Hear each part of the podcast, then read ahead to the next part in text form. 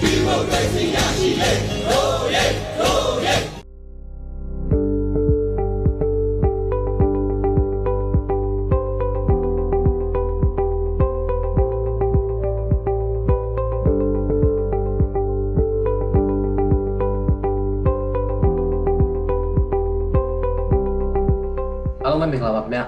ဟီလာစိတ်ခွန်အားပေးသူများရဲ့ဒီဒေါ်လာရဲ့ကာလစိတ်ပြမှုကျမ်းမာကြီးရဆွေးနွေးဖြေရှာဆိုတဲ့ season လေးရတယ်ပြန်လည်ကြိုဆိုပါရစေအဲ့ဒီ season လေးကတော့ကျွန်တော်အားလုံးလည်းသိတဲ့အတိုင်းပေါ့နော်လူသားညီညွတ်ရေးဆိုရရဲ့လူသားချင်းစာနာထောက်ထားရေးနဲ့ဘေးရန်ရဲ့ဆိုင်ရာစီမံခန့်ခွဲရေးဝန်ကြီးဌာနရဲ့ season တစ်ခုလေးဖြစ်ပါတယ်ခင်ဗျာအဲ့တော့ဒီ season လေးကိုကျွန်တော်တို့အပတ်စဉ်ဂျာတာပတိနေ့တိုင်းတင်ဆက်လာတာမှာဒါဒီတစ်ပိုင်းကတော့အပိုင်း3ကိုကျွန်တော်ရောက်ခဲ့ပြီ ဖြစ်ပါတယ်အဲ့တော့ရှေ့ကအပိုင်းနှစ်ပိုင်းမှာတော့ဒီမျိုးစောဘာချမ်းမာရေးပြဿနာတွေကြောင့်ပြည်သူလူထုမှာစိတ်တော့ကရောက်နေရတဲ့အကြောင်းအရာလေးတွေကျွန်တော်ဆွေးနွေးတယ်ဒီကြတဲ့ရှေ့ကတစ်ပတ်မှာတော့ကျွန်တော်တို့အဲစီမံချက်ချပြီးတော့ဗမိသားစုထူထောင်ခြင်းဟာဘယ်လောက်ထိရေးပါတယ်ဆိုတဲ့အကြောင်းအရာလေးကိုကျွန်တော်တို့ဆွေးနွေးကြရဖြစ်ပါတယ်အဲ့တော့ကျွန်တော်နာမည်ကတော့ဖြူတီကဖြစ်ပါတယ်ကျွန်တော်ဒီ season မှာ post တယောက်လေးနဲ့ပါဝင်နေတာဖြစ်ပြီးတော့ကျွန်တော်နဲ့အတူတူပါဝင်ဆွေးနွေးပေးတဲ့ပညာရှင်ကတော့ဒေါက်တာတီတာ FSFRHUK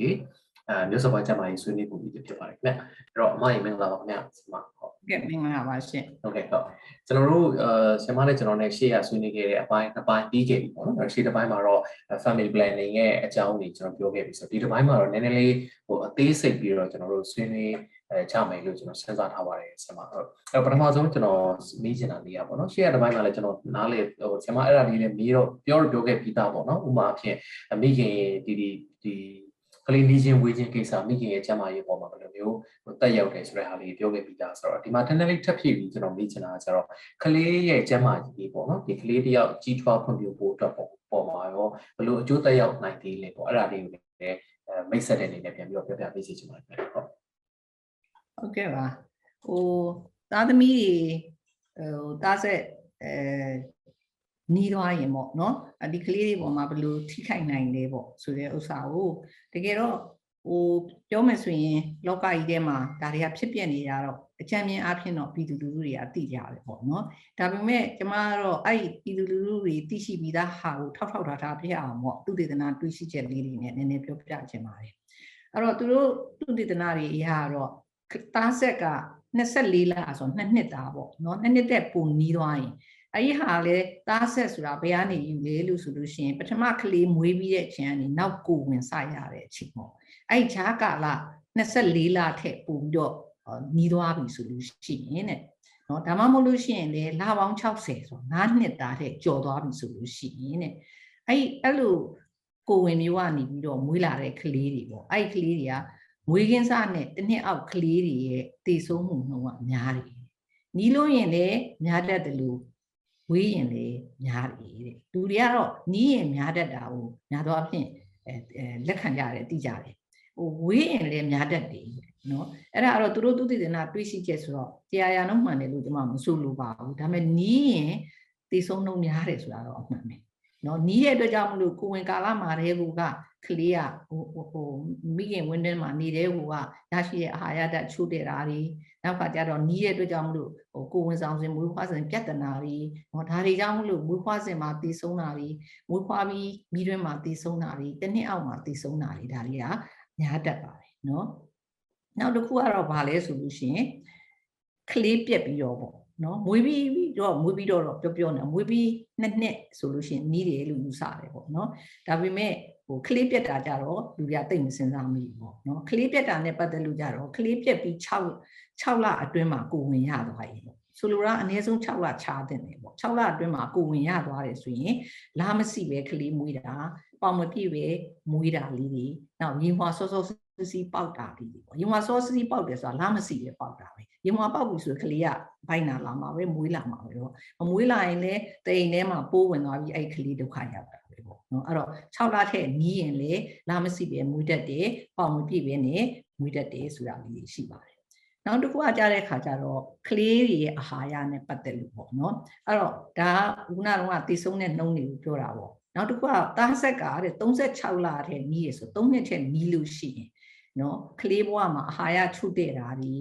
နောက်အရက်ပူညက်တာတွေပေါ့ပူတာတွေညက်တယ်ဆိုတာတော့ကိုလေးချိန်မပြည့်တာတွေပေါ့နော်သူသတ်မှတ်ထားတဲ့ကလေးတွေကိုဆိုကျမတို့လေပေါင်ချိန်ပြီးတော့အရက်တိုင်းပေါင်ချိန်ပြီးတော့သူတို့ graph လေးတွေနဲ့သွားလေးရှိတယ်လीအဲ့မှာ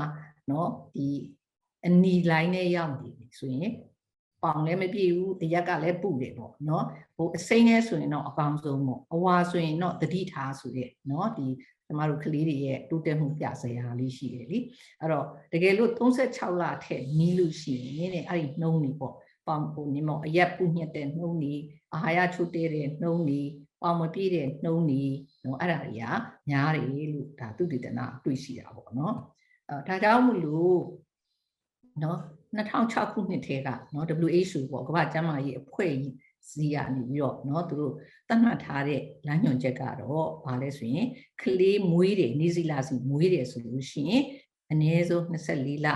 ကလေးပြတ်တယ်ဆိုလို့ရှိရင် 6လခြားတဲ့နေဆိုရဲသူကဒါလမ်းညွှန်ချက်ကလေးပေါ့လေဟုတ်ကဲ့ဒါပေမဲ့လေကျမတို့ကတရေစီမှတ်လို့မရတာကတော့ကို့မြေပြင်အခြေအနေပေါ့ကျမတို့ကဒေါ်လာရေးကာလာဆိုမြေပြင်အခြေအနေဆိုတဲ့စကားလေးမှာအဲကျွမ်းဝင်နေတယ်။နော်ကို့လက်တွေ့အခြေအနေရပေါ့။ဥပမာအိမ်အောင်ပြတာ38နှစ်မှာအိမ်အောင်ပြပြီး39မှာတအူးလေးမွေးပြီးတော့အခါမှာနောက်ထပ်တစ်ယောက်ကလည်းလူကျင်သေးတယ်။လူကျင်သေးတာကိုနှစ်နှစ်ချလိုက်လို့ရှိရင်40ကျော်သွားလို့ရှိရင်နော်ကလေးတွေခြေလက်အင်္ဂါချွတ်တက်မှလည်းကြောက်တယ်။ နော်အဲ့ဒါမျိုးဆိုရင်တော့လေ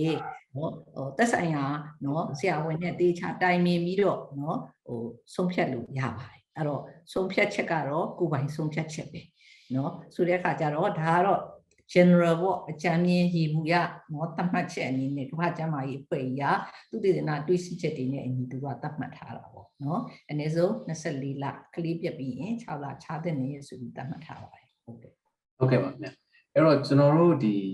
အဲတယောက်ဝေးပြီးရင်အနည်းဆုံး6ဟို24နှစ်နှစ်ပေါ့နော်နှစ်နှစ်ဆိုတော့ကလေးကကိုယ်ဝင်ဆောင်တာ10လဆိုလို့ရှိရင်သာသမီတယောက်နဲ့တယောက်ကအနည်းဆုံးဒါတော့3နှစ်လောက်ကျွန်တော်ပွာနေဖို့ရလိုအပ်တယ်ဆိုတဲ့အားမျိုးလေးပေါ့နော်နောက်တစ်ခုက shape တစ်ပိုင်းမှာလည်းဆရာမကြီးပြောသွားတဲ့အားလေးကိုမကြည့်လိုက်ရတဲ့ပရိသတ်တွေများရှိလို့ရှိရင်ကျွန်တော်ပြန်ပြီးတော့ပြောချင်တာက9နှစ်ထက်ကျော်သွားရင်လည်းမကောင်းဘူးဆိုတဲ့အားမျိုးလေးတွေရှိတယ်ပေါ့နော်အဲ့တော့ကလေးတစ်ယောက်ဆိုလို့ရှိရင်2နှစ်နဲ့9နှစ်ကြာရမှာနောက်တစ်ခေါက်ကိုယ်နှစ်ယောက်ယူမယ်စိတ်ကူးတွေဆိုလို့ရှိရင်ပေါ့နော်နောက်တစ်ခေါက်ပြန်ပြီးတော့ကိုယ်ဝင်ဆောင်မယ်ဆိုလို့ရှိရင်တော့ အဲအဆင့်ပူတည်တယ်ပေါ့ဒီတစ်ချက်ကလေးရှိတယ်ပေါ့နော်ဒါဒါဒါကျမ်းမာရေးအတွက်ညီညွတ်တဲ့ကာလအပိုင်းခြားလေးပေါ့နော်ဒီမှာအဲ့တော့အဲ့မှာကျွန်တော်တို့တခုလေးဟိုခုလိုစဉ်းစားဟိုအားလုံးလေးကျွန်တော်တို့တတိလေးဟိုထားစီချင်တာကကျွန်တော်ခုကျွန်တော်တို့ခုပြောတဲ့ဟာလေး risk ကိုပြောတာပေါ့နော်အဲ့ဒီပူများတယ်ဆိုတဲ့ဟာမျိုးလေးကိုပြောတာပေါ့အဲ့တော့ဒီနေရာမှာခုနကဆမ်မပြောသွားလို့ပဲကလေးကမြန်မြန်ယူဖို့လိုအပ်လို့ယူလိုက်ရတယ်ဆိုတဲ့အခါမှာငါတို့ကတော့နှစ်နှစ်กว่าနှစ်နှစ် ဒါမကွာဘူးယူလိုက်ယူလိုက်ရတယ်အဲ့ဒါဆိုတော့ငါတို့ဒီလိုတွေဖြစ်တော့မှာပဲဆိုတဲ့ဟာမျိုးလဲတအားကြီးလဲတော့ကတော့မရောက်စေချင်ဘူးပေါ့နော်သို့တော်လဲကိုယ့်ရဲ့ကိုယ်ဝင်ဆောင်ကနီးတယ်ဆိုလို့ရှိရင်တော့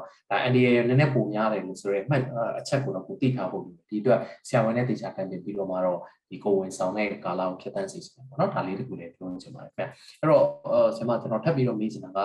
ဒီတာသမီဘလောက်ဘလောက်ဘလောက်ချားပြီးတော့ယူရမယ်ဆိုတော့အခုဒါအချမ်းများအဖြစ်ကျွန်တော်သိသွားပြီပေါ့နော်အဲ့ဒါဟုတ်ပြီလားဆိုကျွန်တော်တို့ကိုဝင်တားဖို့တာသမီတားဆက်ချဖို့ဆိုလို့ရှိရင်ဘယ်လိုနည်းလမ်းတွေရှိမလဲဆိုတဲ့ဟာလေးကိုအချမ်းအချမ်းပြင်းလေးပေါ့နော်အဲ့ဒါလေးကိုစပြီးတော့မိတ်ဆက်ပေးစီချင်ပါတယ်ဟုတ်ကဲ့အာတားဆက်ချတဲ့နီးတွေကတော့ အများကြီးရှိတယ်ပေါ့နော်တားဆက်ချတဲ့နီးတွေအများကြီးရှိတယ်ဒါလည်းပြည်သူလူထုတော်တော်များများသိနေကြပါပြီဒါပေမဲ့သိနေတယ်ဆိုမဲ့ထက်ခဲဝင်ဝင်တော့မသိကြသေးဘူးပေါ့နော်အဲအရှိပိုင်းမှာလည်းကျွန်မပြောခဲ့ပါတယ်တော့ဒီတားဆက်ချဖို့အတွက်ဟောတားဆက်ချနီးလန်းတွေအများကြီးတွေကနေပြီးတော့နော်ဟောဒီဒီကိုဟိုဇနီးမောင်နှံနှစ်ယောက်က နော်ဒီသာဆက်ချာနီလန်းဒီအားလုံးကိုလေသိခွင့်ရှိရမယ်နော်အကြမ်းမြင်နားလည်ရမယ်နားလည်ပြီးတော့အန်ဒီရဲ့ကင်းတဲ့နီးလေးဖြစ်ရမယ်နောက်ပြီးတဲ့ခါကျတော့အာနိသင်ကလည်းကောင်းရမယ်လူတိုင်းလူတိုင်းကလေပစ္စည်းလေးတစ်ခုသွားဝင်အကောင်းဆုံးပါလို့ခြင်းတယ်နော်အဲအာနိသင်ကလည်းကောင်းရမယ်နောက်တစ်ခုကဈေးလည်းတက်တာရမယ်ဈေးလည်းတက်တာပြီးတော့ affordable ပေါ့သူတို့တတ်နိုင်ရမယ်နောက်အလွယ်တကူလည်းရနိုင်ရမယ်အဲပြီးတဲ့ခါကျတဲ့ခါကျတော့ဗာလဲဆိုလို့ရှိရင် အမ်နှစ်ယောက်စလုံးလက်သင့်ခံနိုင်တဲ့နီလန်းတွေလည်းဖြစ်ရမယ်ပေါ့နော်အဲ့လိုနီလန်းတွေကိုရွေးချယ်ပိုင်ခွင့်ဒီဒီဇနီးမောင်နှံနှစ်ဦးရဲ့ rights အခွင့်အရေးပဲနော်အခွင့်အရေးပဲဒါကြောင့်မလို့ဥသားဆက်ချာနီလန်းဘာတွေရှိလဲဆိုတာကိုလေသူတို့သိဖို့လိုတယ်လို့အဲ့ဒီနီလန်းတွေကဘယ်ဟာဖြင့်ဟောအာနိတင်အကောင်းဆုံးဘယ်ဟာကတော့အာနိတင်နေတယ်ဘယ်ဟာကတော့အလေအလတ်ဆိုတာလေသိတယ်နော်ဘယ်ဟာကတော့ ခဲရခဲစစ်လောက်ရတယ်ဘယ်ဟာကတော့အလွယ်တကူတောက်သုံးနိုင်နေဆိုတဲ့ဟာလေးတွေလည်းသိရမယ်ပေါ့အဲ့တော့ကျွန်မအဒီသားဆက်ချာနီလန်းတွေကိုဒီနေ့အနေနဲ့ကတော့တခုချင်းအသေးစိတ်မသွားဘူးနဲ့အားလုံးကိုပေါ့နော်ခြုံငုံပြီးတော့နော်ရွေးချယ်ထားအောင်ဒီကျွန်မပြပြပါမယ်အဲ့တော့သားဆက်ချာနီလန်းဒီမှာအများတိရတော့စိတ်ကရှိတယ်နေတိုင်းတောက်ရတဲ့စီလုံးလေးတွေရှိတယ်ထိုးစည်းတွေရှိတယ် လက်မောင်းအရေပြားအောက်မှာထည့်တာရှိတယ်တအိမ်နဲ့ထည့်တာရှိတယ်အစရှိသဖြင့်ရှိကြတယ်ပေါ့နော်အဲ့တော့ရှိကြတယ်ဆိုတဲ့တရားနေပြီးတော့အဲ့ဒါတွေကိုကျမတို့ကအုပ်စုလေးတွေခွဲပြီးပြောပြလိုက်ရင်နော်ကိုယ့်ရဲ့ရည်ရွယ်ချက်ကိုသိကျင်တဲ့ဟာလေးတွေနဲ့ကောက်ကောက်ပြီးရွေးလို့ရမယ်လို့ထင်တယ်ပေါ့နော်အဲ့တော့အဲ့ဒီမှာမှဒီသားဆက်ချားကျင်တယ်ဆိုတာလေကျမတို့ကဘယ်လောက်ချားကျင်တာလဲနော်ရီဒိုလားနော်ဟိုဩအိမ်အောင်ကြကားစားပဲစာမွေးရှိသေးတယ်စာမွေးပြီးတာနဲ့ငါကလေးယူပါလား ဒါမှမဟုတ်တစ်နှစ်နှစ်နှစ်တော့အလုပ်လုပ်ပြီးမှယူမှာလားအာဒါမှမဟုတ်လို့ရှိရင်တော့မဖြစ်သေးဘူးယောက်ျားကနိုင်ငံခြားသွားနေတယ်နော်နိုင်ငံခြားသွားနေရင်တော့လေဘာမှဟိုတားเสียရတော့မလိုဘူးပေါ့နော်အဲ့တော့သူပြန်လာမှယူမယ်ပေါ့ဆိုတော့အဲ့တော့ကိုသုံးတဲ့ပစ္စည်းတွေရဲ့နော်ရေရှည်ခံလားရေရိုလားရေရှည်လားအာဒီနီလန်သုံးလိုက်တာနဲ့တသက်လုံးများပြန်မရတော့တာလားဆိုတာလေးတွေလည်းသိဖို့လိုတာပေါ့နော်အဲ့တော့ကျမတို့ဒီမှာကြည့်လိုက်မယ်ဆိုရင်တားဆက်ချားနီးမှာနော် တစ်သက်လုံးပြတ်မရနိုင်တဲ့ညီဆိုတာတော့ဘာလဲဆိုရင်တာကြောဖြတ်လိုက်တာပဲပေါ့နော်တာကြောဖြတ်လိုက်တာတစ်သက်လုံးပြတ်မရနိုင်ဘူးပေါ့နော်နောက်ရေဒူနီးပေါ့ရေဒူနီးဆိုတာကတော့နှစ်အဲလအနေငယ်နဲ့နှစ်အနေငယ်လောက်ပဲချားကျင်တဲ့ဟာမျိုးဆိုရင်အဲ့တော့ရေဒူနီးဆိုရင်စိကတ်တောက်လို့ရတယ်သုံးလပန်စီထိုးလို့ရတယ်နော်အာနှစ်ကြာကြီးကိုချားကျင်တယ်မဖြစ်ဘူးကလေးကနှစ်ယောက်စက်တိုက်ကအရန်ကိုနီးသွားပြီအာ၃လေးနှစ်ကို၄၅နှစ်ကိုချားကျင်တယ် ဆိုလို့ရှိရင်တော့နော်လက်မောင်းအရေးပြားအောက်တွင်းတဲ့ပစ္စည်းထည့်မလားတိမ်တွင်းတဲ့ပစ္စည်းထည့်မလားပေါ့နော်ဒါကတော့ကျမတို့ကနော်နှစ်ရှိခန္ဓာရဲ့နှစ်တူခန္ဓာရဲ့နော်အဲ့ဒီပုံမူတည်ပြီးတော့ခွဲခြားထားတာပေါ့နော်အဲ့တော့စိတ်ကပ်ဒီမှာလဲတောက်ဆေးတွေကနေ့တိုင်းနေ့တိုင်းတောက်ရတဲ့စိတ်ကပ်ရှိတယ်ပေါ့နေ့တိုင်းနေ့တိုင်းတောက်တဲ့စိတ်ကပ်မှာမှနော်အာကလေးနုတိုက်နေတဲ့အမေပေါ့အမေကကလေးနုတိုက်နေတယ်ဆိုလို့ရှိရင်တကယ်တော့နေ့တိုင်းနေ့တိုင်းပုံမှန်တောက်နေတဲ့ ဟော်မုန်းနှမျိုးပါတဲ့ဆေးတွေဟာနှုတ်ထွက်ကိုကြစေတယ်အဲ့တော့နှုတ်တိုက်မိခင်တွေက6လအထိပေါ့နော်6လနောက်ပိုင်းဆိုတော့ကလေးကဖြစ်ဆက်စာတွေးပြီးဆိုတော့အမေတို့ဟိုတရားရနှုန်းအားကိုးစရာမလိုတော့ဘူးပေါ့အဲ့ဒီကြရင်တော့စိတ်ကစပါလို့ရတယ်6လအတွင်းမှာတော့ကလေးကမေအိတို့ကလွယ်ဘာမှမစားတတ်သေးတဲ့အရွယ်မှာဒီစိတ်ကပ်ကိုဟော်မုန်းနှမျိုးပါတဲ့စိတ်ကပ်တောက်လို့မရဘူးနော်အဲ့ဒီမှာမှ ဟော်မုန်းတစ်မျိုးတည်းပါတဲ့စိတ်ကပ်ရှိတယ်အဲ့ဟော်မုန်းတစ်မျိုးတည်းပါတဲ့စိတ်ကပ်ကြတော့တောက်လို့ရတယ်အဲ့ဒါနုဒွက်ကိုမကြစီတဲ့အပြင်နုဒွက်ကိုလည်းပိုကောင်းစီတယ်ပေါ့အဲ့ဒီတစ်ခုချင်းစီအကြောင်းတွေကတော့ကျွန်မနောက်ပိုင်းမှာအသေးစိတ်ပြောပြမှာဖြစ်ပါတယ်အဲ့တော့အဲ့ဒါလေးကတော့ဒါကာလတူလေးသုံးတာပေါ့နော်သုံးလခန့်စီဆိုရင်တော့လေသူက3လအထိတားလို့ရတယ်ပေါ့နော်3လခန့်စီအဲ့တော့3လအထိတားလို့ရတယ် နော်နောက်လက်မောင်းအရေးပြအောက်သွင်းထည့်တာဆိုရင်နှစ်နှစ်ဟာလည်းရှိနှစ်နှစ်ခန္ဓာလည်းရှိတယ်လို့သုံးနှစ်ခန္ဓာလည်းရှိတယ်ပေါ့ဒီတဲ့နှစ်ကြာခန္ဓာတွေလည်းရှိတယ်ပေါ့နော်အဲ့တော့ကိုကရွေးချယ်မယ်ဆိုရင်ကိုဘလောက်ချားကျင်တာလဲပေါ့မူတည်ပြီးတော့မိလန်းနေရွေးချယ်ပေါ့နော်နောက်တစ်ခုကလူတိုင်းလူတိုင်းကအကောင်းကြိုက်တယ်အာနိတဲ့အကောင်းဆုံးမှကြိုက်တယ်အာနိတဲ့အကောင်းဆုံးကြိုက်တယ်ဘယ်ဟာအာနိတဲ့အကောင်းသလဲပေါ့ အဲ့တော့ဒီသားသားဆက်ချာနီလန်းနေရဲ့အာနိတဲ့ဘယ်လိုတိုင်းမလဲပေါ့နော်ဘယ်လိုတိုင်းလဲဆိုတော့အင်းကြီးပိဿတစ်ခုသွားဝယ်တယ်ဆိုရင် तू ကောင်းလားမကောင်းလားဆိုတာရေကြလားကျွတ်သလားဘယ်လောက်ကြာကြာရင်မွဲသွားတယ်လေဝတ်လို့မရဘူးဒါနဲ့တိုင်းတာတာဟုတ်နော်အခုဒီမှာကတော့ကျွန်တော်တို့ကဘာနဲ့တိုင်းတာလဲဆိုရင်ဒီစေးတောက်နေရဲ့နဲ့နော်ဒီနီလန်းကိုသုံးနေရဲ့နဲ့ကိုဝင်ရသွားတဲ့နှုံးပေါ့နော်အဲ့ကြတော့လေနှုံးကိုဘယ်လိုတွက်လဲဆိုတော့အမျိုးသမီး103နဲ့တစ်နှစ်သုံးမယ် အဲ့ဒီကာလမှာဘယ်လောက်ညာကိုဝင်ရသွားတတ်တယ်လေပေါ့ကိုဝင်ရတဲ့နှုံးများရင်အာနိတိမကောင်းဘူးပေါ့ကိုဝင်ရတဲ့နှုံးနဲတယ်ဆိုရင်အာနိသင်ကောင်းတယ်ပေါ့ဘယ်နီလန်းမှတရားရာနှုတ်တေချာတဲ့နီလန်းတော့မရှိတချို့ကထင်တာတေချာတယ်လို့ထင်တာတားကြောဖြတ်တယ်ပြန်ပြင်လို့မရတဲ့တားကြောဖြတ်တာတော့မတော်တဆတားကြောကပြန်ဆက်သွားပြီးကိုဝင်ပြန်ရတတ်တယ်အဲ့တော့တားကြောဖြတ်တဲ့နီလန်းတော့တေချာပါတယ်ဆိုတဲ့နီလန်းတော့ပြန်ဆက်တတ်တယ် အဲ့တော့နီလန်းတိုင်းနီလန်းတိုင်းဒီမတော်တဆပြန်ပြီးတော့ကိုဝင်ရသွားတတ်တယ်ပေါ့အဲ့ဒီမှာလေကိုဝင်ရသွားတဲ့နှုံးဆိုတာကစနစ်တကျသုံးထက်ခြင်းမသုံးထက်ခြင်းပုံမှာလေမူတည်တာပေါ့လေအဲ့တော့ကျမတို့အုပ်စုတွေခွဲမယ်ဆိုလို့ရှိရင်အမျိုးသမီးတရားတစ်နှစ်သုံးလိုက်လို့ ကိုဝင်ရသွားတဲ့နှုံးကတယောက်ထက်နေတယ်ဆိုတာအရန်ကိုအကောင်းဆုံးနီလန်းဖြစ်ပြီပေါ့နော်အဲ့ဒီအကောင်းဆုံးနီလန်းအာနိတဲ့အကောင်းဆုံးထဲမှာဘာပါလဲဆိုတော့လက်မောင်းအရေပြားအောက်သွင်းတဲ့ပစ္စည်းရဲ့တအိမ်တွင်းထက်ပစ္စည်းရဲ့ပါပါတယ်အဲနောက်တစ်ခါတာကြောဖြတ်ခြင်းလည်းပါတယ်အဲ့တော့တာကြောဖြတ်ခြင်းလည်းတာကြောဖြတ်ထားပြီးရင်အမျိုးသမီးတရားတစ်နှစ်ပြည်သွားရင်တယောက်ထက်နေတယ်ဆိုတော့တစ်ထောင်မှာ9ယောက်တစ်ထောင်မှာ3ယောက်အဲ့လိုမျိုးလို့ဆိုလိုတာပေါ့နော်အဲ့တော့ဒီဒီ တိမ်နှင်းတဲ့ပစ္စည်းလက်မောင်းရေပြားအောက်သွင်းပစ္စည်းနောက်ပြီးတော့ဟိုတာကြောဖြတ်ခြင်းဟာအမျိုးသမီး100တစ်နှစ်သုံးရင်တစ်ယောက်ထက်နေတယ်ပေါ့နော်နောက်တစ်ခုကကြတဲ့ခါကျတော့အလေအလတ်ပေါ့အာနိသင်အလေအလတ်ကဘာတွေလဲလို့ဆိုလို့ရှိရင်အမျိုးသမီး100တစ်နှစ်သုံးလိုက်လို့ရှိရင်ကိုဝင်ရသွားတဲ့နှုန်းက6ယောက်နဲ့12ယောက်ကြားဆိုတော့တော်တော်များလာပြီပေါ့နော်6ယောက်နဲ့12ယောက်ကြားအဲ့ဒီထဲမှာဘာပါလဲဆိုတော့ကျွန်မခုနပြောခဲ့တဲ့ဟော်မုန်းနှမျိုးပါတဲ့နေ့စဉ်တောက်တဲ့စိတ်ကဒါလူအများဆုံးသုံးနေကြတယ် နောက်တစ်ခုကကြားတဲ့ခါကျတော့ဟော်မုန်းတစ်မျိုးတည်းပါတဲ့နို့တိုင်မိခင်တွေတောက်လို့ရတဲ့စိကတ်နော်နောက်တစ်ခုက3လခန့်စီပေါ့နော်ဒီ3မျိုးပါတယ်ဒါအတုံးအများဆုံးစီကအလေလက်အလေလက်ကအမျိုးသမီးတရားတစ်နှစ်သုံးရင်6ယောက်ကနေ12ယောက်ကိုဝင်ရနိုင်တယ်နော်အဲ့မှာထူးဆန်းတာပေါ့နော်ထူးဆန်းတာတစ်ခုလေးကျွန်မပြောချင်ပါပဲအမေနှုတ်တိုက်နေတဲ့အမေပေါ့နော်ကလေးမွေးပြီးပြီကိုဝင်ဆောင်ပြီးတော့မွေးပြီးပြီမွေးပြီးနှုတ်တိုက်နေတဲ့အမေပေါ့ အဲ့အမေကကလေးကိုနုတစ်မျိုးတည်းတိုက်နေပေါ့နော်နုတစ်မျိုးတည်းတိုက်မယ်6လအထိပေါ့6လကြာရင်ဖြည့်ဆွက်စာကြီးပြီလို့ဆိုတော့တစ်မျိုးတည်းမတိုက်တော့နုတစ်မျိုးတည်းတိုက်နေကာလနော်အဲ့ချိန်ကာလမှာຢာဒီရလည်းပြန်မပေါ်သေးဘူးဆိုတော့ကလေးမွေးပြီးရင်မိနေသွေးရက်သွားပြီးရင်ຢာဒီရမပေါ်ဘူးမပေါ်တဲ့အကြောင်းရင်းကဘာဆိုနုတိုက်နေလို့နာနုတိုက်နေတဲ့အခါမှာကလေးကနုဒီကောင်းကိုစုပ်တဲ့အခါမှာထွက်တဲ့ဟော်မုန်းကြီးတာအုပ်ကိုမကြွေစေဘူး မကြွေစေတာမှတရားရာနှုံးနီးပါးလောက်ကိုမကြွေစေဘူးပေါ့မကြွေစေတဲ့အတွက်ကြောင့်မလို့အဲ့ဒီနီလန်းကလည်းတရေတားတဲ့အာနိသင်ရှိတယ်အဲ့တော့တချို့ကထင်တယ်နှုတ်တိုက်ခြင်းအပြင်တရေတားတဲ့အာနိသင်ကတိတ်ပြီးဟိုနင်းမော်နော်အာနိသင်မကောင်းဘူးလို့ထင်တယ်နော်တကယ်တော့မဟုတ်ဘူးအဲ့ဒီနှုတ်တိုက်ခြင်းအပြင်တရေတားတဲ့နီးကခုနကတော့သုံးလခံထိုးစေးနဲ့အာနိသင်အတူတူပဲစိတ်ကနဲ့အာနိသင်ဒါဟုတ်လူတွေတော်တော်များများမသိဘူးဆရာဝန်တွေတော့မသိဘူးပေါ့တချို့ကြီးလေ တော့နှုတ်တိုက်ခြင်းဒါပေမဲ့စနစ်တခြားတော့တိုက်ရမယ်နှုတ်တစ်မျိုးတည်းတိုက်ရမယ်ရေတောင်မတိုက်ရဘူးရေတို့ဘာလို့တိုက်လိုက်ရင်လေနှုတ်နှုတ်ဒီကောင်းကိုစုပ်တဲ့အာရော့သွားရင်ဂရေတားတဲ့အာရော့သွားပြီးတော့မတော်တဆကိုဝင်ရတတ်တယ်အဲ့တော့နှုတ်တိုက်နေရင်လည်းကိုဝင်ရတာလားရတတ်တယ်လေတရားအမျိုးသမီးတရားသုံးလို့ရှိလို့ရှိရင်6ယောက်ကနေ12ယောက်ရတယ်ဆိုတော့ကိုဝင်ရတတ်တယ်အဲသူပဲရတာလားဆိုတော့သူရီးပဲမဟုတ်ပါပေါ့သုံးလခန့်စီကလည်းရတတ်တာပဲစိတ်ကကလည်းရတတ်တာပဲထူးထူးပဲနော်ဒါအလေအလတ် နောက်တစ်ခုကကြားတဲ့ခါကျတော့ကလေးရလွေတဲ့ဟာပေါ့နော်ရဖို့များတဲ့ဟာအာနိသင်ညံ့တဲ့ဟာပေါ့နေတဲ့ဟာပေါ့အဲ့ဒါကဘာလဲဆိုရင်အမျိုးသမီးတရားတစ်နှစ်သုံးလို့ရှိရင်ကိုဝင်ရသွားတဲ့နှုံက18ရောက်တဲ့အထက်ဆို20နီးပါးလောက်ဖြစ်ပြီပေါ့နော်တွက်မယ်ဆိုရင်ကျမတို့1ရဲ10ရဲ20ရဲလို့မှန်းလိုက်ရင်ရတယ်နော်အဲ့တော့20လောက်ထိရောက်ပြီဆိုလို့ရှိရင်တော့မကောင်းတော့ဘူးပေါ့အဲ့ဒီထဲမှာဘာပါလဲဆိုတော့ကွန်ဒုံပါတယ်ပေါ့ကွန်ဒုံ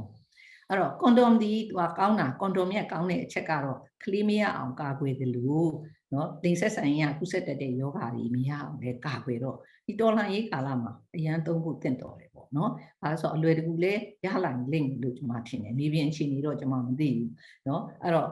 အဲ့ဒါဟာဒီယောဂါကိုလည်းကာကွယ်တယ်ကလေးကိုလည်းကာကွယ်ဒါပေမဲ့စနစ်တကျမသုံးလို့ရှိရင်တော့နော်မသုံးတတ်လို့ရှိရင်တော့ ကွန်ဒွန်ပေါက်သွားလို့ရှိရင်တော့နော်ကွန်ဒွန်ပေါက်သွားရင်တော့မတော်တဆကိုဝင်ရတဲ့နှုံးကများတယ်ပေါ့နော်ကွန်ဒွန်ပေါက်သွားတယ်ဆိုတာကလေဘာတွေကြောင့်ပေါက်နိုင်လဲဆိုရင်ကွန်ဒွန်ကဒိတ်မကောင်းဘူးရက်လွန်နေတာဆိုရင်လေပေါက်တတ်တာပေါ့နောက်တစ်ခုကကွန်ဒွန်ကိုသုံးတဲ့အခါမှာစနစ်တကျမတင်ထားလို့နော်ထိတ်ကလေးမှာပေါ့နော်သူတို့ဟို ဖောင်းနေတဲ့နေရာလေးရှိတယ်လေအဲ့မှာလေခိုသွားတယ်ဆိုလို့ရှိရင် during sexual act မှာအဲ့ဒါလေးကဖောင်းထိုးလေကိုပိုပြီးဖောင်းဖောင်းဖောင်းလာစီဖောင်းရပြီးပေါက်သွားလို့ရှိရင်ဒါကိုဝင်ရသွားတတ်တယ်ပေါ့နောက်တစ်ခုကကျတော့အဲ့လိုသုံးပြီးတိုင်းသုံးပြီးတိုင်းပေါက်သွားသလားဆိုတာကိုစစ်တက်တဲ့အကျင့်လေးကိုသင်ပေးထားလို့ရှိရင်နော်ပေါက်သွားမှန်းသိရင် emergency contraception လိုက်လိုက်ရင်ကိုမရဘူးပေါ့နော်အဲ့တော့အာနိသင်နေပြီမယ်ကောင်းကျိုးရှိတော့နေနေတဲ့အာနိသင်ကိုပို့ပြီးတော့ကောင်းအောင်ပေါ့တတိလေးထားပြီးစနစ်တကျသုံးလို့ရှိရင်ဒါဒီဟောအာနိသင်နေတာပဲမသုံးချင်ပါဘူးမဟုတ်ဘူးเนาะသူကတစ်ဖက်ကကောင်းကျိုးကဒါဟာစူးကျိုးလေးရတာပေါ့ဒါလေးဒီစူးကျိုးကိုနင်းနိုင်နေများနေအောင်ဘယ်လိုလေးလုပ်မလဲပေါ့เนาะနောက်တစ်ခုကတော့ဗာလဲဆိုရင်ရက်တွက်တဲ့နီးပေါ့ရက်တွက်တဲ့နီးနဲ့ကလေးမရအောင်လုပ်တယ်ဆိုတာက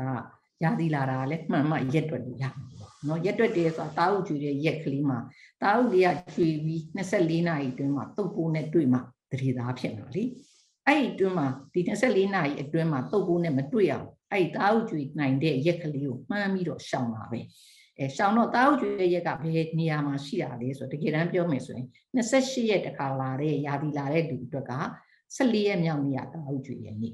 အဲ့တော့သူ့ရဲ့ပတ်ချလဲပေါ့24နာရီအတွင်းဆိုရှင်း24နာရီနောက်24နာရီပေါ့ ဒါပေမဲ့လို့ယာဒီလာတဲ့ရက်ကလူတိုင်းလူတိုင်းအတိအကျမမှန်ဘူးလေရှေ့တိုးလိုက်နောက်ဆုတ်လိုက်ဖြစ်တတ်တယ်ရှေ့တို့နောက်ဆုံးဖြစ်တဲ့ခါကြလို့ရှိရင်အဲ့ဒီရက်ကလေးတာအုပ်ကျူတဲ့ရက်ကလေးကလည်းတကယ်တော့တာအုပ်ကျူတဲ့ရက်ရှေ့တို့နောက်ဆုံးဖြစ်လို့ရာသီလာတဲ့ရက်ကလည်းရှေ့တို့နောက်ဆုံးဖြစ်တာနော်ဒါကြောင့်မို့တာအုပ်ကျူတဲ့ရက်ကိုတွက်တဲ့ခါမှာကျမတို့ကဒီလိုအရှေ့24နိုင်နောက်24နိုင်နဲ့တွက်ရင်တော့မိသွားနိုင်တယ်နော်ဒါကြောင့်မို့အဲ့ဒီတာအုပ်ကျူမယ်လို့မှန်းတဲ့ရက်ရဲ့အရှေ့ကို3ရက်အနောက်ကို3ရက်နော်အဲ့ဒါဆိုအလုံး9ရက်ဖြစ်သွားမှာပေါ့ နော်အဲ့ဒီထက်ပိုပြီးနေနိုင်တယ်ဆိုရင်ရှေ့ကို၄၅ရက်အနောက်ကို၄၅ရက်အဲ့ဒီရက်ကလေးရှောင်ကြံတဲ့ရက်တွေကိုလွတ်လွတ်လပ်လပ်နေမယ်ဆိုလို့ရှိရင်အဲကလေးမရနိုင်ဘူးဒါပေမဲ့ပြဿနာကဘာလဲဆိုရင်ယာတိကမှန်မယ်ဆိုလိုတာတာအုပ်ကြွေတာမှန်တယ်ယာတိမမှန်တဲ့သူမှာသုံးလို့မရဘူးတာအုပ်ကြွေတာမမှန်တဲ့လူမှာသုံးလို့မရဘူးတွက်လိုက်ရင်နော်ဗီဒီယိုဆရာအတွက်မှားရင်ဒုက္ခရောက်သွားမှာပေါ့နော်အဲ့တော့နောက်တစ်ခုကကြတော့ကလေးနို့တိုက်နေတဲ့အခါမှာ တာအုပ်ကမကြွေဘူးကြွေရင်လည်းမမှန်ဘူးပေါ့အဲ့ဒီအချိန်ခါမျိုးမှာယာတိမလာပါဘူးထိန်နေတဲ့လူရက်ဘလို့မှတွက်လို့လည်းမရဘူးအဲ့တော့အဲ့ဒီခါမှာသုံးလို့မရဘူးပေါ့သူ့ရဲ့အာနေချက်လေးတွေကအဲ့ဒါပေါ့နော်နောက်ကျန်တာကတော့ဟိုအရေးပေါ်သားဆက်ခြာစည်းပေါ့နော်အရေးပေါ်သားဆက်ခြာစည်းအကြောင်းကတော့အရန်ကိုအရေးကြီးတဲ့အကြောင်းကျွန်တော်တို့တရက်ဒီချာပြောပါမယ်ခုနလိုကွန်ဒွန်ပေါက်သွားတဲ့အခါမှာစိတ်ကတောက်နေရနေပြီးတော့တနေရာရာကိုနော်ဟိုပြရလွှားရလို့စိတ်ကကြံခဲ့တယ်ပေါ့နော်စိတ်ကကြံခဲ့လို့စိတ်ကတောက်ဖို့ရက်ပြက်သွားတယ်ပေါ့ဘယ်နည်းထက်ကြော်ပြီးပြက်သွားပြီဆိုလို့ရှိရင်တော့နော်ကျမတို့တွေကဒါအရေးပေါ်စီသုံးပါမယ်ပေါ့သုံးလကန်စီထိုးဖို့ရက်ကစီနေပြီးနော်ဆေးရလည်းမရနိုင်ဘူးမထိုးပြစ်လိုက်ဘူးမထိုးပြစ်တဲ့ကြားထဲမှာမတော်တဆနီးလိုက်မိပြီနော်အဲ့ခါမျိုးကြရင်ကိုဝင်ရသွားတတ်တယ်မလူချင်းနဲ့ကိုပဲပေါ့တော်လှန်ရေးကာလမှာဒီအခက်အခဲတွေအများကြီးရှိမှာပဲနော်အဲ့ခါမျိုးကြလို့ရှိရင်အရေးပေါ်သားဆက်ချာကြီးပေါ့ အဲ့ကြတော့လေအရေးပေါ်သားဆက်ချာစီဆိုတာအာဘာလဲဆိုရင်သူကနှလုံးပါတာရှိရဲတစ်လုံးပါတာရှိရဲပေါ့ special ဝယ်ရတဲ့သဘောမျိုးအရေးပေါ်သားဒါပေမဲ့တော်လှန်ရေးကာလမှာဒီဆေးရှာဖို့မလွယ်ဘူးပေါ့နော်မလွယ်တဲ့ခါကျတော့ကျမတို့ပေါ်ပေါ်များများလူတွေအားလုံးသုံးနေကြတဲ့နေ့စဉ်သုံးဟော်မုန်းတစ်မျိုးပါတဲ့စီဟော်မုန်းတစ်မျိုးပါတဲ့စီနော်ဒီဆေးတွေရောသုံးလို့မရဘူးလားပေါ့နော်အဲ့ဒါလေးတွေကျမနော်သူ့အကြောင်းအသေးစိတ်ပြောတဲ့အခါကြလို့ရှိရင်နော်ထည့်သွင်းပြီးတော့ အသေးစိတ်ပြောပါမယ်အရေးပေါ်သားဆက်ချာစီဟာဒီဒေါ်လာကြီးကာလမှာအဓိကအရေးကြီးတဲ့စီဖြစ်ပါတယ်နော်နောက်တစ်ခုကတော့ဟိုနော်စာအုပ်တွေထဲမှာတော့နော်ဟိုကျမတို့ရဲ့စေးကျန်းစာတွေမှာတော့အာနိသင်တိတ်နေပါတယ်လို့ပြောတယ်အဲ့ဒါဆိုတော့တုတ်ရည်အပြင်ထုတ်တယ်နည်းဒါပေမဲ့ကျမတို့လူနာတော်တော်များများတွေ့တယ်အဖာစီသုံးလည်းဘာမှမသုံးကျမတို့ကတုတ်ရည်အပြင်ထုတ်တာပဲအဲအဲ့ဒါရလားဆိုဟုတ်တယ်ရတယ်နှစ်ပေါင်းများစွာဘာမှမဖြစ်ဘူးအဲ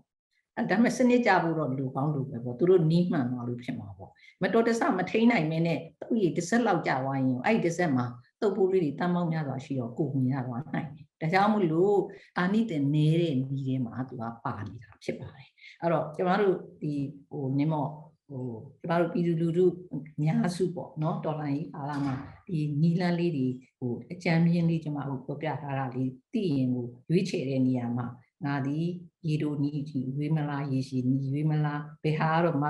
တို့အလွယ်တကူဝယ်လို့ရမလဲငါတို့တတ်နိုင်မလဲငါတို့ရနိုင်မလဲเนาะဘယ်ဟာတော့အာနိသင်ကောင်းတယ်ဘယ်ဟာတော့အာနိသင်မကောင်းရင်ငါတို့ဘယ်လိုဘယ်နည်းလုပ်မလဲဆိုတာကိုဆုံးဖြတ်တတ်မဲ့အချက်လက်လေးတွေပါမယ်လို့ယူဆပါတယ်เนาะဟုတ်ကဲ့ ဟုတ်ကဲ့ပါဆရာမအခုပြည့်ပြည့်စုံစုံလေးပြောပြသွားတာဟိုအချမ်းမြင့်လောက်တော့တော်တော်လေးကိုကိုယ်ကပြပြသိသွားပြီပေါ့နော်အဲ့တော့အချိန်ကာလအပြင်ဆိုရင်ရသက်ပံတာပလိုက်တာရှိမယ်ကာလရှည်ရှိမယ်ကာလတိုရှိမယ်နောက်မတော်တဆဖြစ်လာခဲ့လို့ရှိရင်အရေးပေါ်သုံးဖို့ရှိမယ်ပေါ့နော်အာနိသင်အပြင်ကြည့်လို့ရှိရင်အာနိသင်အမြင့်ဆုံးရှိရဲ့အလဲအလက်ရှိရဲ့အာနိသင်နည်းနည်းနေတဲ့ဘက်ကိုရှိတယ်ဒီလိုလေးပိုင်းခြားသိသွားပြီဆိုတော့အခုဒီအပိုင်းသုံးမှာဆရာမယူကျွန်တော်နောက်ဆုံးအနေနဲ့မေးချင်တာပါဒီလိုလေးတော့အခွဲခွဲပြပြတော့သိသွားပြီဆိုတဲ့အခါမှာ ဇနီးမောင်နဲ့နှစ်ယောက်အတွက်ပေါ့နော်ကိုယ်နဲ့အသင့်တော်ဆုံးဖြစ်မဲ့အနီးလန်းကိုရွေးဖို့ဆိုလို့ရှိရင်ဘယ်လိုမျိုးများရွေးချယ်ရင်အကောင်းဆုံးဖြစ်မလဲဆိုတဲ့အပိုင်းလေးကိုဆွေးနွေးပြီးစီချင်ပါတယ်ခင်ဗျဟုတ်ကဲ့ဟိုအားလုံးကလေလူတဘာဝပေါ့နော်ဘယ်အရာမဆိုအကောင်းဆုံးကြိုက်ကြတာပေါ့လေအဲ့တော့အကောင်းဆုံးဘယ်လိုရွေးမလဲဆိုတာကကာယကံရှင်တွေကရွေးရမှာပေါ့နော်အာဆရာဝန်ကပြောတယ်ဒါအကောင်းဆုံးပဲဒါအနိသင်သိတ်ကောင်းနေဒါပဲသုံးပါဆိုခိုင်းလိုက်လို့ရှိရင်ဒါဒီသူတို့အတွက်အကောင်းဆုံးဟုတ်ချင်မှာဟုတ်တယ် နော်အကောင်းဆုံးဟုတ်ချင်မှာဟုတ်တယ်အဲ့တော့ဒါပေမဲ့အကောင်းဆုံးကိုဘယ်သူကပဲရွေးရမှာဆိုတော့ကာယကံရှင်တွေကိုယ်တိုင်ကပဲရွေးရမှာဖြစ်ပါတယ်အဲ့တော့အကောင်းဆုံးကိုရွေးဖို့ဆိုလို့ရှိရင်ကိုလိုချင်တာဘာလိုချင်တာလဲပေါ့အကောင်းဆုံးကဟုတ်ပါတယ်ဒါပေမဲ့ကိုလိုချင်တာကတစ်မျိုးနော်အကောင်းဆုံးလို့သတ်မှတ်ထားတာတစ်မျိုးဖြစ်နေလို့မဖြစ်ဘူးအကောင်းဆုံးဖြစ်ဖို့ကိုလိုချင်တာရရမယ်ကိုလိုချင်တာရဖို့ကိုဘာလိုချင်တာလဲခုနကကျွန်မပြောခဲ့တယ်လို့ပေါ့ဩစာမိုးဝဲပြီးတဲ့အထိလောက်ပဲချမှာလားတစ်လားနှစ်လားလားဒါမှမဟုတ်လို့ရှိလို့ရှိရင် ဟောအမျိုးသားနိုင်ငံသားကိုထွက်တော့မယ်သူကဒီမှာ၄၅6လနေမယ်ဒီ၄၅6လမှာကိုဝင်မရချင်ဟော၄၅6လလေးတားချင်တာလားပေါ့ဒါမှမဟုတ်လို့ရှိရင်အဲစာမဝဲပြီးဖို့ဘွဲရဖို့နှစ်နှစ်ကြံသေးတယ်ဘွဲရပြီးအလုပ်ကင်ရမှာဆိုနှစ်နှစ်သုံးနှစ်လားပေါ့ဒါမှမဟုတ်ရင်ကလေးတွေ10ယောက်ဖြစ်နေလို့လုံးဝမလို့ချင်တော့ဘူးလားကိုယ့်ရဲ့စံတာကိုဘာလုပ်ချင်တာလဲ အဲ့ပုံမှာလေမူတည်တယ်ပေါ့နော်နောက်တစ်ခုအကြတဲ့ခါကျတော့ဘယ်ပုံမှာလဲမူတည်လဲဆိုတော့နောက်ပိုင်းကျမတစ်ခုချင်းစီအကြောင်းရဲ့အသေးစိတ်လေးတွေကိုပြောပြလာတဲ့အခါမှာသိလာမှာပါတချို့စီးတွေကကိုယ့်ရဲ့ယာတီတွေကိုများစီတယ်တချို့စီးတွေတချို့နီးတွေကယာတီလာတာကိုကြိုက်ခဲစီတယ်တချို့စီးတွေကတချို့နီလန်းတွေကယာတီစုတ်ကဲစုတ်ကဲလာစီတယ်အဲ့တော့ကိုယ့်ရဲ့ယာတီပုံစံကဘယ်လိုလဲပေါ့ကိုယ်ဒီယာတီလာရင်များတတ်တာပေါ့ များတတ်ရင်ယာတီလာရင်များစီတဲ့စီးတွေရွေးလို့မသင့်တော့ဘူးပေါ့ကိုကယာဒီလာရင်ကြိုက်တက်လာကြိုက်တက်ရင်ယာဒီလာရင်ကြိုက်တက်တဲ့နီးတွေကိုယူလို့မသိတော့ဘူးပေါ့နော်ဒါမှမဟုတ်ရင်ကိုကယာဒီနေသလားပေါ့ထိန်သလားပေါ့ ကိုကဒါပေမဲ့ယာဒီကနေတယ်ကျမလာရင်စွန့်ရုံလေးပဲလာတယ်ဒါမှမဟုတ်နှစ်လသုံးလမှလာတယ်ကျမကပုံမှန်လာခြင်းတာမြန်မာမျိုးသမီးကြီးကပုံမှန်ယာဒီလာတိတ်တိတ်လာခြင်းတာပဲယာဒီမှန်နေမှနေကောင်းတယ်လို့ယူဆအဲ့လိုမှန်ခြင်းတဲ့လူဟိုယာဒီအဲနေတဲ့လူကြီးကြတော့နော်ပို့ပြီးနဲစီတဲ့စီတို့ယာဒီမလာစီတဲ့စီတို့တုံးလို့အဆင်မပြေဘူးပေါ့နော်အဲ့ဒါလေးကအသေးစိတ်ပြောတဲ့အခါသိမှာပေါ့နောက်ခုနကကျွန်မနည်းနည်းထည့်ပြောခဲ့တယ်နှုတ်တိုက်နေတဲ့အမိပေါ့ နှုတ်တိုက်နေတဲ့အမိဘယ်စီတွေတုံးတင်လဲဘယ်စီတုံးရင်တတိထားတင်လဲဘယ်စီကတော့မတုံးတင်ဘူးလေကိုကနှုတ်တိုက်နေတာလားအဲနှုတ်တိုက်ရနေဖြစ်ဆက်စာကျွေးပြီလားနှုတ်တိုက်နေတယ်ဆိုတော့လေဖြစ်ဆက်စာမကျွေးခင်နဲ့ဖြစ်ဆက်စာကျွေးပြီးနောက်ပိုင်းရွေးချယ်လို့ပါတယ်မတူပြန်ဘူးပေါ့နော်အဲနောက်တစ်ခုကကြားတဲ့အခါကျတော့ကို ဘာနဲ့ကိုယ့်ရဲ့ကျမ်းမာရေးအခြေခံကျမ်းမာရေးကမှတွေးတိုးရှိနေလားစီးကျူရှိနေလားအစရှိတယ်ဖြစ်ပေါ့အခြေခံကျမ်းမာရေးအခြေအနေပေါ်မှာလည်းမူတည်တယ်လေနော်အဲ့လိုကျမ်းမာရေးပြဿနာရှိတဲ့လူဆိုတော့ဆရာဝန်နဲ့တိုင်ပင်တာပိုကောင်းတာပေါ့ဒါပေမဲ့ဆရာဝန်နဲ့တိုင်ပင်တော့လေဆရာဝန်ကရွေးချယ်ပေးလိုက်တယ်နီးက၃လေးနီးဖြစ်နေတယ်ဟုတ်တယ်ဒီနီးတော့မတုံးနဲ့တွေးတိုးနဲ့ဒီနီးတွေဒီနီးတွေဒီနီးတွေရှိအဲ့ကြရင်၃လေးနီးတွေကတနီးနီးကိုရွေးရမှာဘယ်သူကရွေးရမှာလဲဆိုတော့ကာယကံရှင်ကပဲရွေးရမှာပေါ့ အဲ့တော့ကာယကံရှင်တွေကကိုယ့်ရဲ့ဒီသားဆက်ချားနီးတွေရဲ့အာတာချက်တွေအာနေချက်တွေကိုတကယ်ကိုနားလည်ပြီးတော့ကိုယ်ဘယ်ဟာကြိုက်လဲပေါ့နားလည်တယ်ဒါကောင်းတယ်လို့ထင်တယ်သုံးကြည့်တယ်အဆင်မပြေဘူးပေါ့နော်မကြိုက်ဘူးပေါ့နော်ကွန်ဒွန်ကောင်းတယ်လို့ပြောတယ်အဲသုံးကြည့်တယ်အဆင်မပြေဘူးမကြိုက်ဘူးပြဿနာလေးရှိတယ်ပေါ့နော်အဲလှုပ်ရှုပ်တယ်ပေါ့နော်အဲ့ဒါမျိုးကိုကမကြိုက်ဘူးဆိုရင်လည်းဘယ်လို့မှမဖြစ်နိုင် ပေါ့နော်နှစ်ယောက်စလုံးလက်သင့်ခံနိုင်တဲ့နည်းဖြစ်အောင်ပေါ့နော်ဒါကြောင့်မလို့အကောင်းဆုံးနည်းကဘာလဲလို့ဆိုလို့ရှိရင်အကောင်းဆုံးနည်းဆိုတာဒီနည်းဒီနော်တင့်တင့်နဲ့အာနိတင်နဲ့ရှိပြီးတော့နော်ရေရှည်လဲဆွဆွမြဲမြဲသုံးနိုင်ရမယ်ပေါ့ကိုကိုသုံးချင်တယ်လားနော်အဲ့လိုဖြစ်ဖို့ဆိုတာကနှစ်ယောက်စလုံးလက်သင့်ခံနိုင်တဲ့နည်းဖြစ်မှာဖြစ်မှာပေါ့နော်အန်ဒီရလဲကင်းမယ်အာနိတင်လဲကောင်းရမယ်နော်နှစ်ယောက်စလုံးလည်းလက်သင့်ခံနိုင်ပြီး ကိုယ်တိုင်စိတ်တိုင်းကြရွေးချယ်တဲ့နီးတာလေဒီဇနီးမောင်နှံအတွက်အကောင်းဆုံးနီးဖြစ်တယ်ဆရာဝန်ဆရာမကရွေးပြီးလို့အကောင်းဆုံးနီးမဖြစ်နိုင်ဘူးကိုယ်တိုင်လည်းသုံးကြည့်ရအောင်မယ် pilot study လေးသုံးကြည့်လိုက်ပြီးတော့ဟာအဆင်ပြေတယ်ဆိုရင်အဲ့ဒါဆိုရင်သူတို့အတွက်အကောင်းဆုံးနီးလမ်းပဲဖြစ်ပါတယ်အဲ့တော့အကောင်းဆုံးနီးလမ်းပဲဟာလေကိုယ်တိုင်ကိုကြစိတ်တိုင်းကြရွေးချယ်သုံးပြီးတော့အဆင်ပြေတဲ့နီးတာလေးအကောင်းဆုံးဖြစ်ပါတယ်ဟုတ်ကဲ့ပါခင်ဗျ အဲ့တော့အကောင်းဆုံးနည်းလမ်းဆိုတာကဒီအာနိသင်ကောင်းတယ်ဆိုတိုင်းလေကိုယ့်အတွက်အကောင်းဆုံးဖြစ်ချင်မှဖြစ်တာပေါ့နော်ဆိုတော့ကိုယ်နဲ့တက်တော်ချင်မှဖြစ်တော့တယ်အဲ့လိုပဲတခြားဆုံးတွေတွဲရတခြားမျိုးသမီးတယောက်ကသုံးလို့အဆင်ပြေတယ်ဆိုတိုင်းလေကိုယ်နဲ့အဆင်ပြေချင်မှပြင်မယ်သူနဲ့အဆင်မပြေဘူးဆိုပေမဲ့လည်းကိုယ်နဲ့ပြေချင်လည်းပြင်တယ်ပေါ့နော်အဓိကအဖြစ်တော့ဒီဇနီးမောင်နှံနှစ်ယောက်နေတယ်ကိုယ့်ရဲ့မိသားစုဘဝကိုယ်တွေဒီဆောက်ချင်တဲ့မိသားစုဘဝပုံစံနောက်ကိုယ့်ရဲ့ကျန်းမာရေးလူမှုရေးစီးပွားရေးစသဖြင့်အဖက်ဖက်ကနေစဉ်းစားပြီးတော့မှအသင့်တော်ဆုံးဖြစ်မဲ့နည်းလမ်းကိုရွေးချယ်ခြင်းကသာဒါကိုယ့်အတွက်အကောင်းဆုံးနည်းလမ်းဖြစ်တယ်ဆိုတာလေးကိုသိလိုက်ရပါတယ်ပေါ့နော်ဆိုတော့အဲ့တော့ကျေးဇူးအထူးပဲတင်ပါတယ်ခင်ဗျာအဲ့တော့ကျွန်တော်ဒီ season လေးမှာဆင်မအချိန်ပြပြီးတော့ဆွေးနွေးပေးတာဒါအများကြီးကြိုးကျေးဇူးရှိပါတယ်အဲ့တော့ဒီအပိုင်းသုံးမှာတော့ကျွန်တော်တို့ဒီဘာကိုအဓိကထားဆွေးနွေးသွားတယ်ဆိုလို့ရှိရင်တော့ဒီတားဆက်ချမယ်ကိုယ့်ရဲ့မိသားစုစီမံချက်ချပြီးတော့ရေးဆွဲမယ်ဆိုတဲ့အခါမှာအသုံးပြုအသုံး အသုံးပြုလို့ရတဲ့တားဆက်ချနီလန်တွေအကြောင်းကိုကျွန်တော်တို့မိတ်ဆက်တဲ့သဘောလေးပေါ့နော်ဆိုတော့ခုနလိုကာလ